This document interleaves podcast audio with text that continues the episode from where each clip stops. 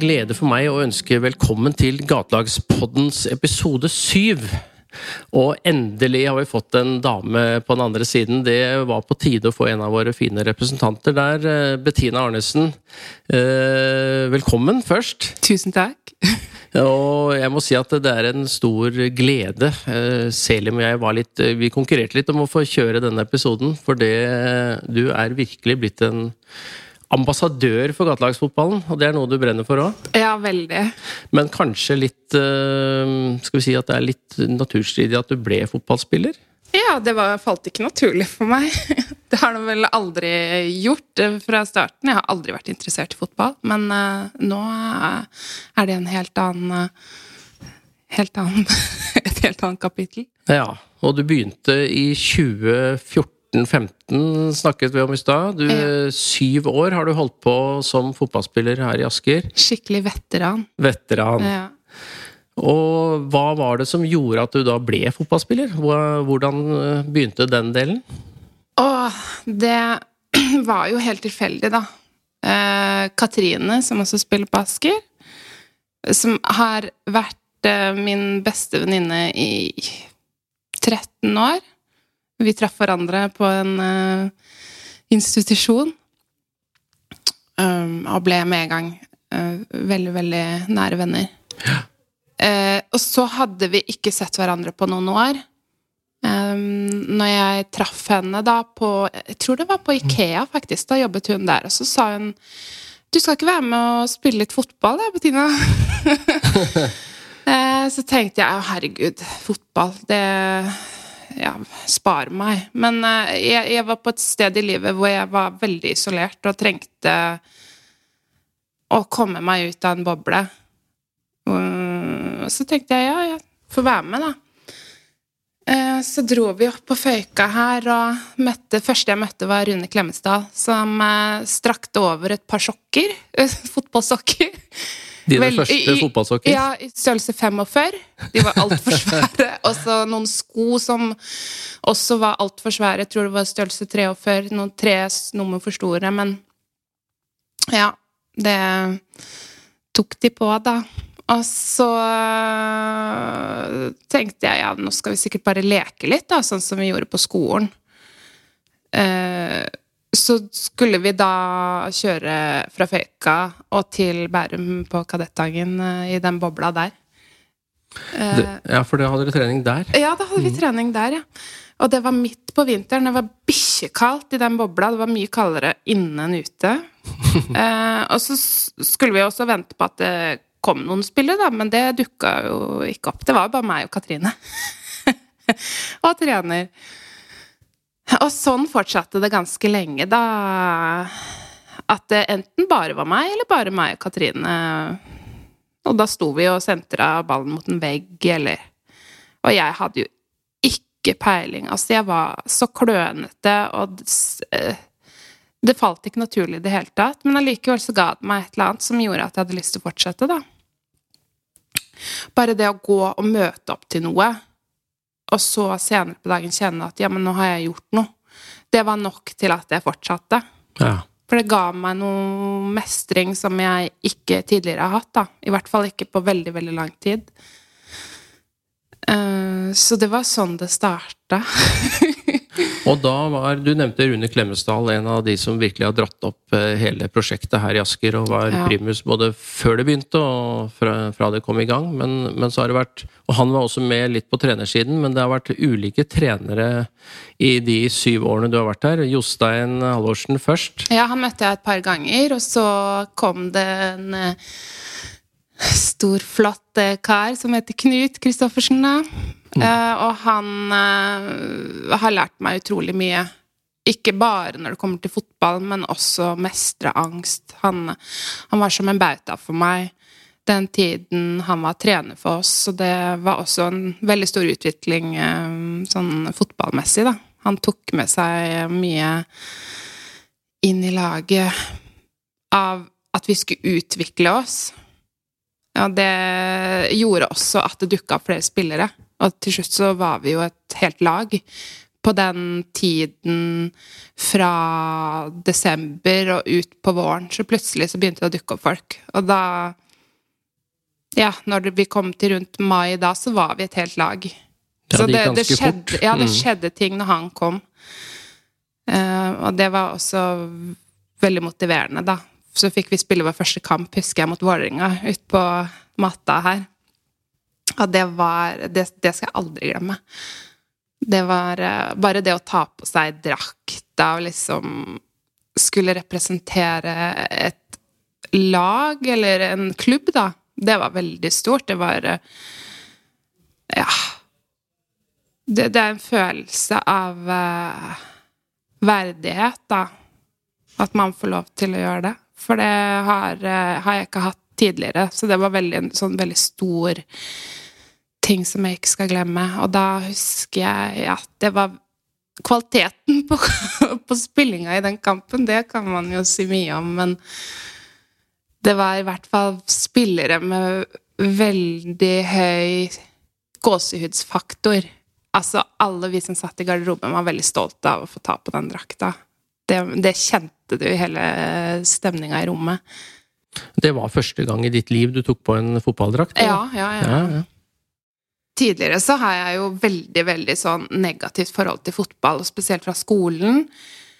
Eh, Med å skulle bli delt inn i et lag sto alltid igjen til sist. Det var, det var en sånn jævlig følelse av å egentlig ikke være ønska inn i et lag, da. Og det syns jeg jo egentlig er ganske tragisk, at de kunne tillate lærere og voksne folk kunne tillate at man gjorde det på den måten, for det satte jo ganske store spor, da. Så det, ditt minne fra fotballen før gatelaget, det var ekskludering, og, Ja. og her har vi det motsatte, Ja. inkludering? Ja, veldig stor forskjell. Eh, og det er også en av grunnene til at jeg At det ble så stort, da. Den kontrasten ble så svær av å plutselig være ønska. Og ikke lenger være eh, en ensom ulv, da. Som man jo har vært I hvert fall jeg har vært stort sett hele livet. Plutselig være en del av noe. Og ikke bare det, men å skulle kjempe for hverandre, da. Den følelsen av at vi gjør dette sammen. Det, var, det er en sånn rå følelse som jeg skulle ønske at flere kunne oppleve, da. Og bare det i seg selv er terapi på veldig høyt nivå. Det er vel noe av det gatelaget, det er jo derfor det heter lag òg, at det, det handler nettopp om å bygge det der fellesskapet og være sterke sammen på Ja. ja, Uansett hvilken eh, bakgrunn og nivå. For det er, det er jo spillere både på Asker og andre lag som har vært gode fotballspillere før. ja. Og det er andre som deg som, eh, som da ikke har hatt noe fotballbakgrunn i det hele tatt, men som trives med, med laget med stor L. ja. Er det Ja, det syns jeg er så kult, og spesielt Jeg vet jo ikke hvordan andre lag har det, men på vårt lag er vi jo kanskje spesielt flinke på å ta imot folk, og folk som ikke har rørt en fotball før. Og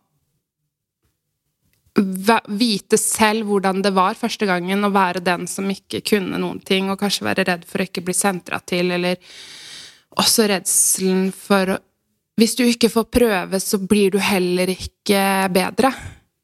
Altså hvis du ikke får den ballen eller den sentringa fra medspilleren din, så kan du ikke utvikle deg heller. Det føler jeg vi har vært veldig gode på, da. Vi gir de muligheten hele tiden, og ja, om det ikke blir mål, det er ikke så viktig, men da, da har du liksom fått sjansen til å prøve, da. Det er, og det henger sikkert eh, sammen med både trenerne som har vært der, og dere spillerne på, på laget. Men, eh, og du nevnte Knut, som har vært lederen på fotball-SFO-en her i Asker i mange mange år og tatt imot små barn eh, nettopp på den måten. Og noen av de er blitt veldig gode fotballspillere. Sander Berge som spiller i Premier League, liksom. Det, Ja. det er det nivået. Men først og fremst det å ta imot mennesker. og så og så ga Knut seg noen år etterpå, og da kom det inn en annen fotballmann som du eh, Du, du visste ikke helt hvem det var eh, sånn fotballmessig, men André Muri er jo en stor fotballspiller i norsk sammenheng? Jeg, jeg hadde ikke peiling på hvem han var, ja. men allikevel, når jeg skulle hilse på han første gangen, så ble jeg starstruck uten å vite helt hvorfor. Men han er jo bare Han i seg selv er jo en fantastisk person, og passer så godt inn i det konseptet. På det menneskelige nivået er han jo helt rå. Ja, han er si. eh, det min far kaller rett navla, er det det vi kan Han si? rett, han er rett navla, ja. Ja, Hvis han- han, hvis han prøver seg på å finne en annen jobb, da skal han få med meg å gjøre, altså.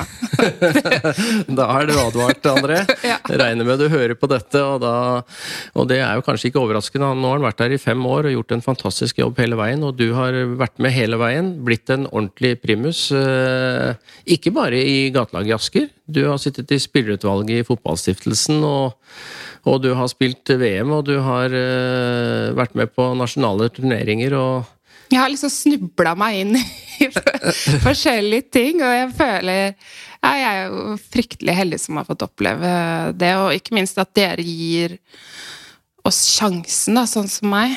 Det er jo det som jeg syns er så fint, da. Å få sjansen, for det er man jo ikke vant til fra tidligere. Plutselig så så kan jeg få lov til å gjøre sånne ting, og det syns jeg er veldig flott, da. Det er også sånn jeg utvikler meg, og måten jeg holder meg fungerende på, da, og hele tiden få utfordringer. Dette, bare den her, for eksempel, å spille inn en podkast, det er jo en utfordring. Jeg kjenner jo Ja, når jeg blir spurt, så sier jeg ja. Store grunnen til det er vel også fordi at jeg trenger å utfordre meg, for det er sånn jeg holder meg gående, da. Med tanke på angst og At det gir mestring etterpå, da. Det er liksom en stor del av Og det sier en Ja. flott kvinne som sitter her og som mor og er et helt annet sted i livet enn du var i 2014. Ja.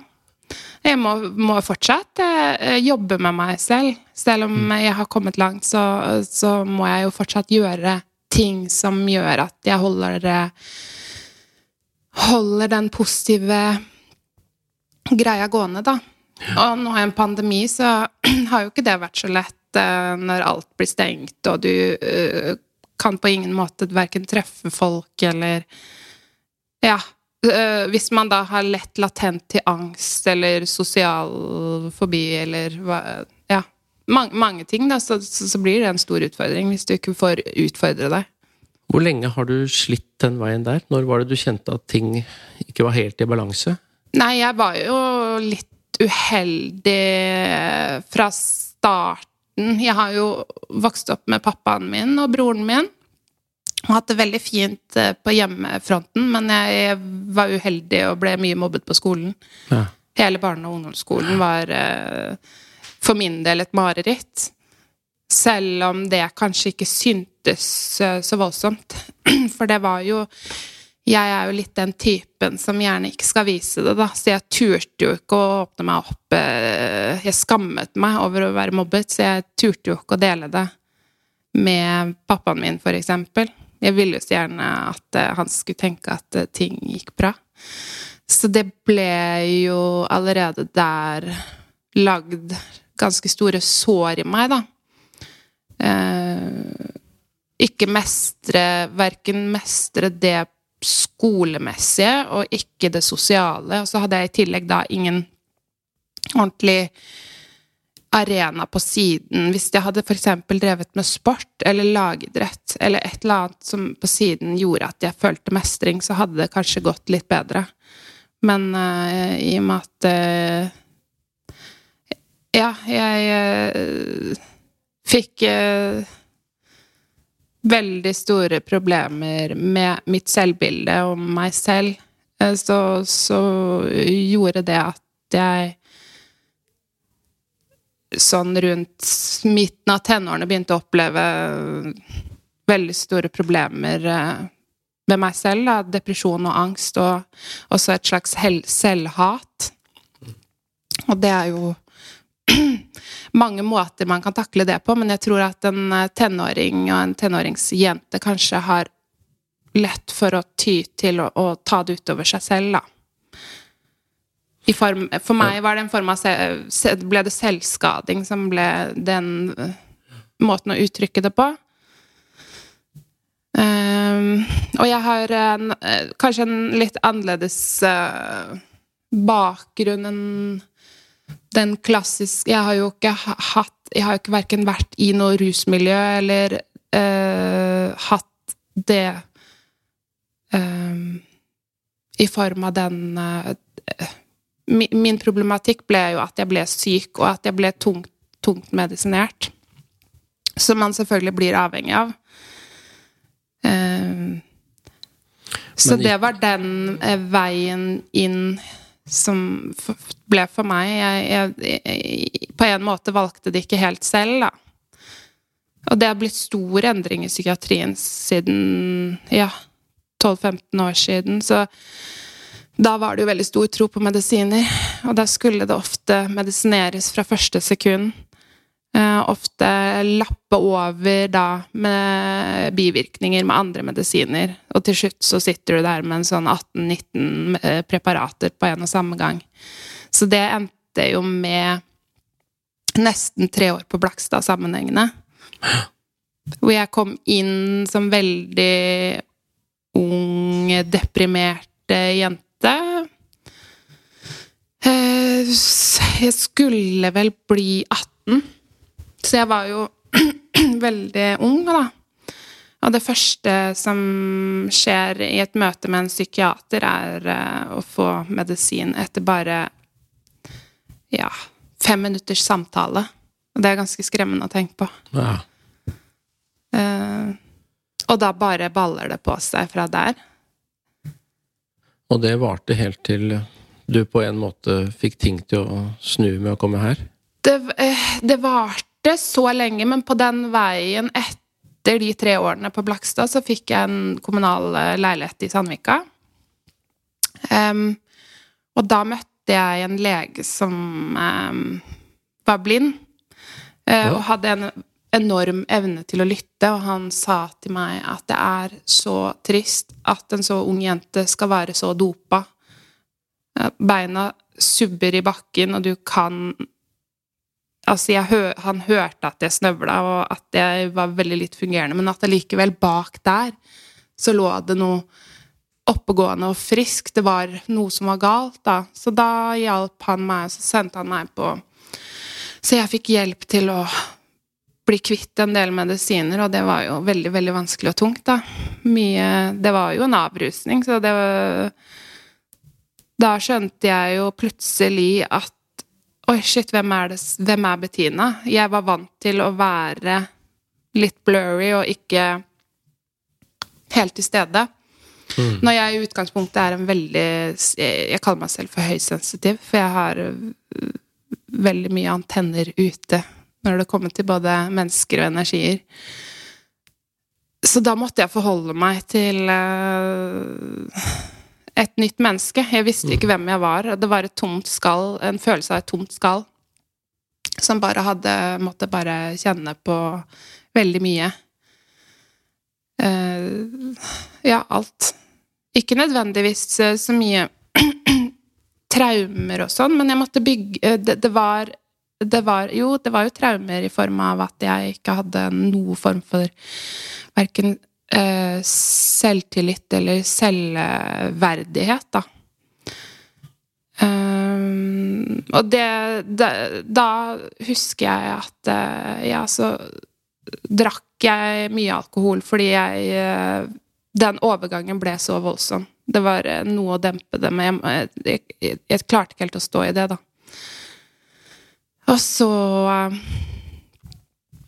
gikk det noen år med destruktiv eh, Ja. Alkohol er jo et rusmiddel som er uh, forferdelig destruktivt.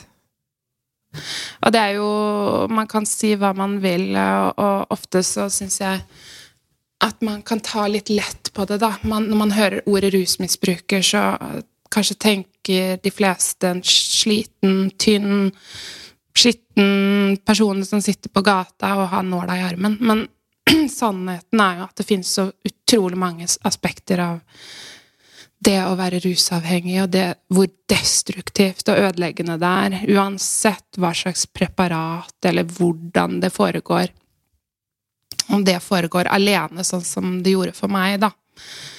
Uh, uten at noen helt var klar over det.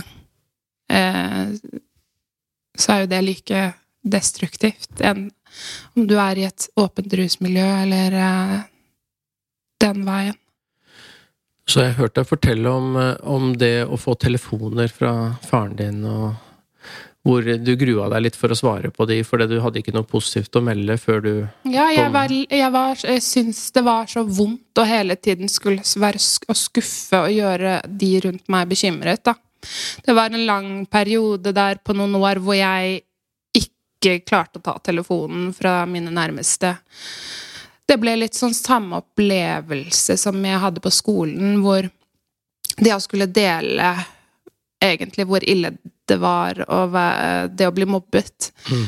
Hvor eh, en, en, sånn enorm skam eh, Og det å hele tiden være den som måtte skuffe jeg hadde ikke noe positivt å komme med. Det var så kjipt. For jeg hadde ikke greid å verken fullføre skole Jeg hadde liksom ingenting jeg kunne skryte av. Og det var så kjipt. Og det var så stort når jeg begynte å spille fotball, at jeg faktisk kunne ja, ringe til pappa og si at vet du hva, i dag har jeg vært på trening, og jeg har gjort det, det og det og det. Og det, det var så utrolig godt å endelig kunne si at nå jeg har gjort et eller annet, da. Har fått til noe. Uh, og det går an å si at det er, litt, det er en positiv spiral som plutselig begynner å, å spinne, istedenfor ja. det omvendte. At du, ja. det bygger på det positive, fordi du kan bygge positive historier for deg selv og om deg selv og, og til de rundt. Ja. Det det, det er noe veldig flott over det å ikke lenger måtte skuffe sine nærmeste, da. Og det ja. Jeg unner min eh, kjære de, Mine nærmeste å ikke skulle bekymre seg lenger over meg, da. Og det er så deilig å slippe. For det er en ganske tung last å bære på. Du vet at noen sitter og er redd for deg. Det er ikke noe gøy. Så det Det, det skjedde en sånn det har bare vært en spiral fra første gang jeg møtte opp på trening. Og så har uh, det at jeg har fortsatt, selv om det var dritkjedelig å bare stå og sparke ballen inn i en vegg, og, og også ikke det å få til ting, da. Det var jo Det måtte jo inn med teskje et x antall hundre ganger for å bare kunne sende en pasning. Men uh, allikevel, altså Så var det det å kunne liksom si at vet du, jeg har gjort noe. Det, og det er noe Jeg har aldri fått til noen ting, men endelig så har jeg liksom fått til eller annet så lite som det. Liksom. Noe så mikroskopisk som det, som allikevel blir så vanvittig stort. Men, men, jeg hadde jo gleden av å jobbe i Asker på denne tiden. Ja. Og du kaller det mikroskopisk, men det var jo en enorm framgang veldig fort. Sånn som vi så det fra siden. Du eh, ble jo fort en som virkelig ble trygg på det og de helt elementære tingene som du slet med i starten. Eh, så ble du plutselig en drivkraft i hele laget. Ja, det var, jeg, det var, vanskelig å se det selv, eh, men nå, når jeg ser tilbake, så blir jeg jo veldig stolt, da. Av eh, bare det rent fotballmessige, at jeg har blitt eh, Ja, at jeg mestrer det med, det med ballen, da. Og så Det er mye du kan gjøre uten ball, og det har jeg følt veldig mye på tidligere. At jeg mm. kan, jeg kan løpe og holde på på banen og skape uro og på en måte prøve å gjøre ting uten ball, men nå endelig kan jeg også gjøre ting med ball. Det er veldig gøy. Etter syv år ja, så kan jeg det. Ja. Men ikke bare det. Du, en nasjonal turnering, da var du gravid, så du kunne ikke spille. Ja. Og så ble du trener isteden. Ja, det var kult. Ja. Det var veldig gøy. Det, jeg har jo fått litt smaken på hvordan det er å være trener eh, tidligere, men Da var det plutselig sånn at uh, Asker ble en uh, rival, og det var veldig morsomt. ja, for det ble satt sammen et lag uh, av spillere fra ulike lag som var, si, som ikke hadde nok til å, til å, etablere et eget lag. Så satte ja. man sammen et lag som du fikk ansvaret for. All Stars. All Stars, ja. ja, ja, ja. Med, og det, det, sier jo litt om hvor, hvordan fotballhodet til Bettina har begynt å virke, det da, når man klarer å lede andre til å spille ball. Ja, jeg syns jo det er fryktelig gøy, og jeg skulle jo ønske at jeg kunne gjøre mer av det. Eh, og så er det så gøy å liksom At alle får muligheten, og at Å se det fra sidelinja, da. At, at eh, så mange forskjellige mennesker med så mye forskjellige bakgrunner, og så totalt vidt forskjellige, både av kjønn, men uh, ja På alle, alle, sine kanter, kan klare å samarbeide og dra Dra liksom uh, det lasset sammen, det er så utrolig kult. Og hvor er det du an, Hvilke andre arenaer kan du egentlig se dette på? Det er jo, I hvert fall innen idretten så er jo dette helt unikt, da, selv om Selv om det er fotball, så er det jo helt unikt at ja, jeg, jeg tenker ofte på det, og så har jeg lært ekstremt mye om å kunne samarbeide med så mye forskjellige folk som du aldri ellers ville møtt, eller kanskje skapt noe vennskap med i det hele tatt. Du, det, det, er jo så kult og lærerikt, da. Og det du snakker om nå, er jo egentlig hverdagen til gatelagene. Den mm, ukentlige, faste treninga på tirsdag og torsdag, og når de ulike lagene trener, da. Mm. Eh, men det er noen høydepunkter også. Nasjonale turneringer og, ja. og store ting. Hva, Gulrøtter. Gulrøtter, ja. du kaller det det? Ja, ja, det er jo noe man gleder seg fryktelig til. Da. Det er jo litt sånn ja, to, De to gangene i året så går man jo og gleder seg. Du veit at du skal spise god mat og kose. Og så er det jo veldig gøy å være på tur med en sånn gjeng, da. Spesielt, spesielt Asker. Jeg er jo fan av oss, da.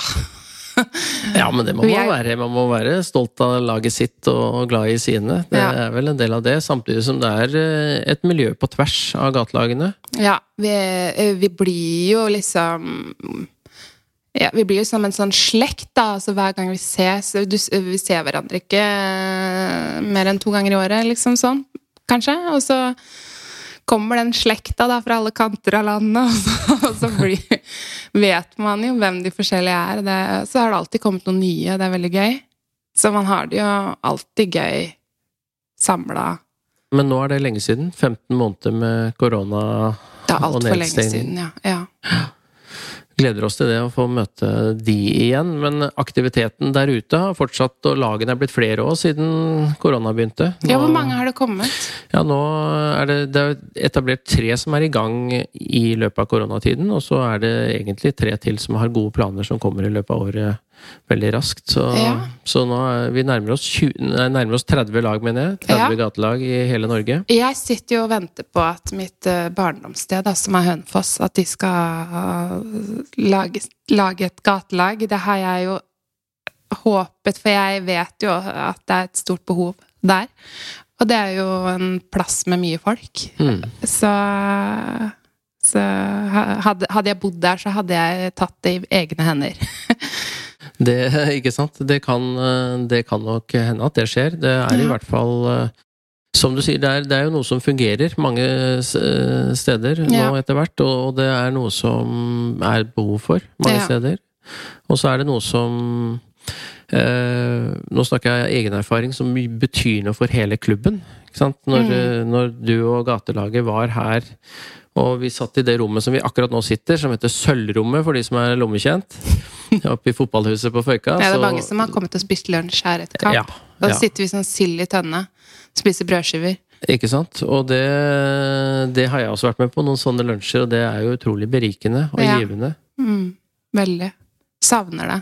Gleder meg til det kommer eh, gode tider igjen. Ja. Nå spises det mat på treningen til Asker fortsatt, ja, men det serveres fått, ute og ja. varmmat, og det er ikke måte på luksus. Ja, vi har jo fått en voldsom oppgradering da i koronatiden med både varme gryteretter og Ja, det er alltid godt tilbør og Ja. Eh, Det har vært mye klager etter kamp her eh, når det kommer andre lag, og så sier de dere har bare brødskiver. Er så kjedelig. Hvorfor serverer dere ikke noe annet? Eh, Så er det sånn at vi litt, har litt primitive forhold her på Asker. Vi er ikke noe eliteseriearena. Jeg syns det er litt sjarmerende, ja, for de brødskivene de er alltid forbanna gode og smaker så godt etter en kamp. Så jeg kan ikke skjønne hvorfor vi har fått så mye klager.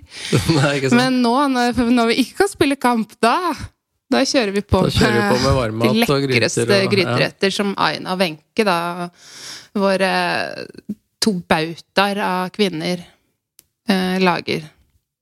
Ja, og de har vært med hele tiden når du har vært her. For de var, har vært med fra Nest, ja, ja, nesten hele tiden.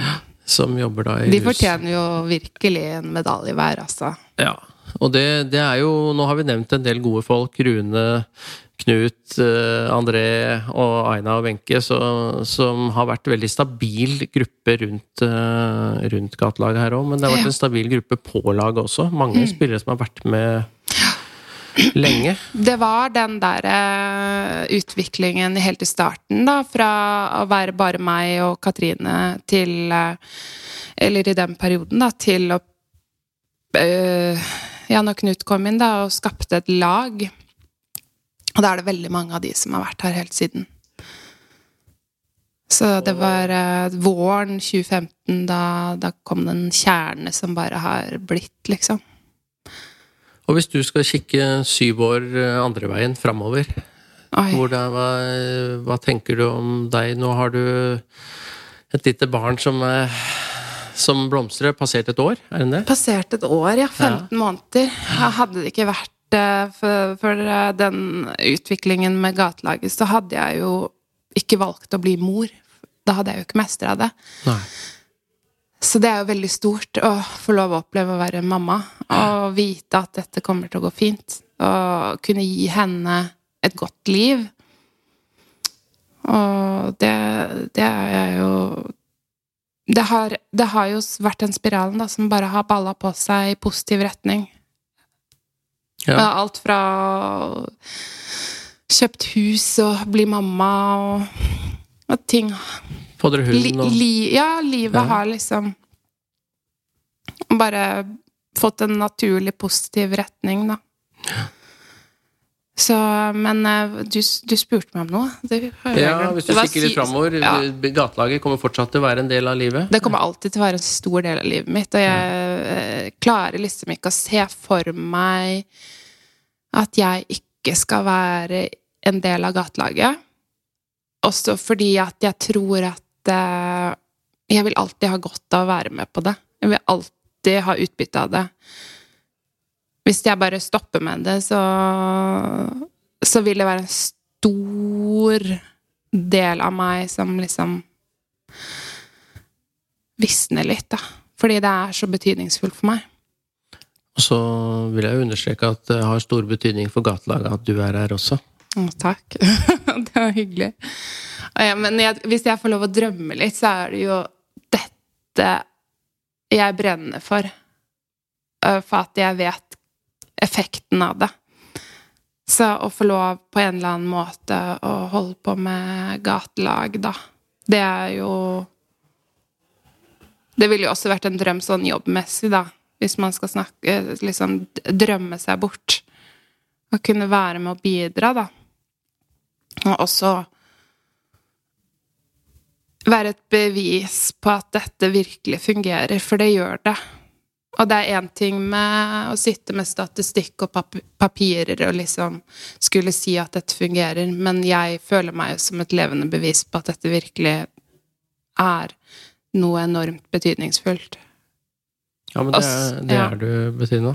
Ja. Det, det syns jeg var nydelig sagt.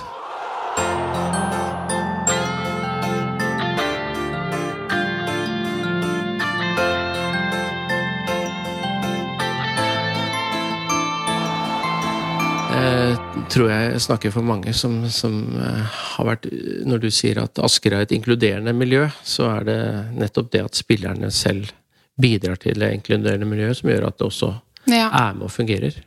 Så tror jeg ikke vi skal glemme hva dette egentlig handler om. Også kanskje lag som sliter med miljøet, og som kanskje skulle ønske at de hadde et bedre miljø. At det er veldig viktig å tenke på hva dette egentlig handler om. Og det er jo mest mestring. Altså, du kan jo ikke oppleve mestring hvis du kommer inn i et lag og du ikke får lov å prøve deg.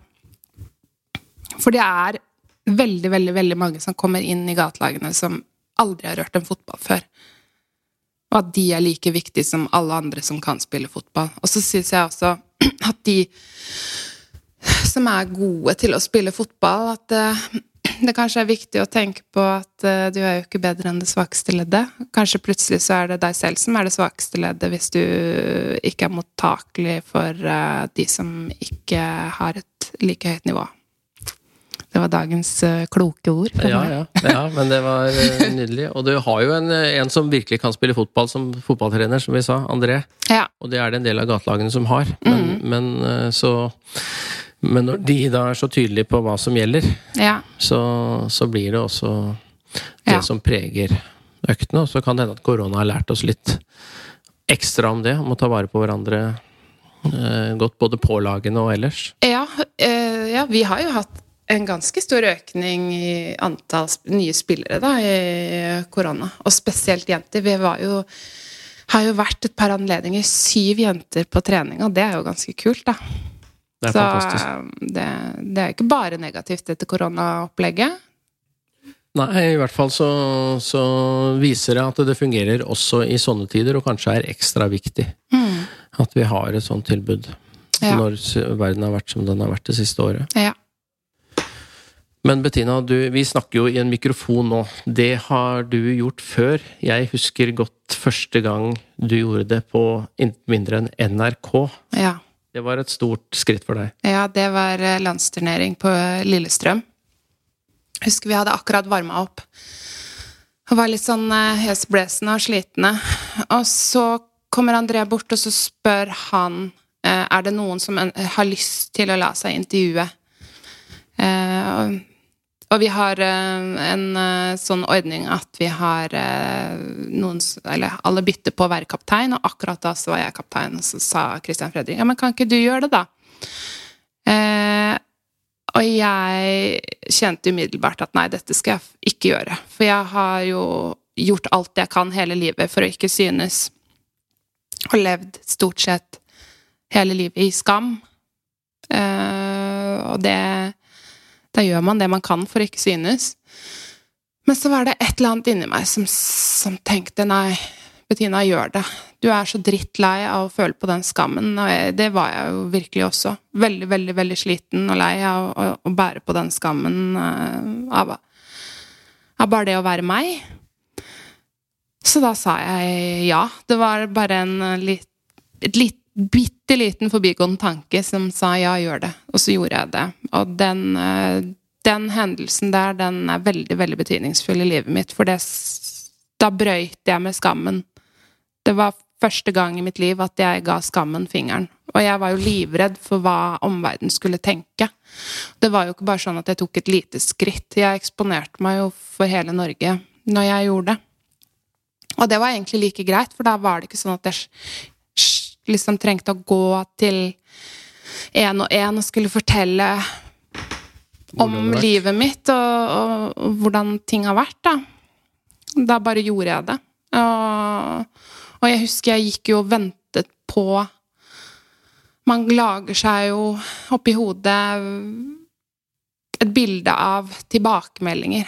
Og det var jo liksom veldig negativt forbundet av disse tankene med du, du så for deg at Tilbakemeldingene var negative. Men uh, det kom aldri en eneste negativ tilbakemelding. At det gjorde veldig Det gjorde noe veldig med hodet mitt og hvordan jeg tenkte. Og også så utrolig deilig å bare kjenne at ok, men jeg kan faktisk være ærlig. Uten at folk tenker det ene eller andre, eller mister respekten for meg, eller Det som skjedde da, var at jeg fikk respekt for meg selv. Var... Du, du, viste fram den ekte og ærlige Bettina ja. for hele Norge? Ja. Og jeg har jo aldri tidligere hatt respekt for meg selv. Eh, så det, det skjedde noe vanvittig stort idet jeg trådde over den terskelen. Og jeg vet at det er utrolig mange som sliter med skam.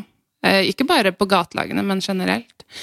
Og det å skulle eksponere seg selv og faktisk vise sin sårbare side og også åpne seg opp, eh, det tror jeg er utrolig viktig. For samfunnet én ting, men for seg selv absolutt eh, veldig, veldig, veldig, veldig viktig. Og så viser det seg at reaksjonene fra omverdenen er annerledes enn de man har trodd. Annerledes, ja. Det er så merkelig at man kan gå og kjøre hodet sitt og tenke hva, hvordan tilbakemeldingen skal være, og så er det ikke sånn i det hele tatt. Realiteten er en helt annen.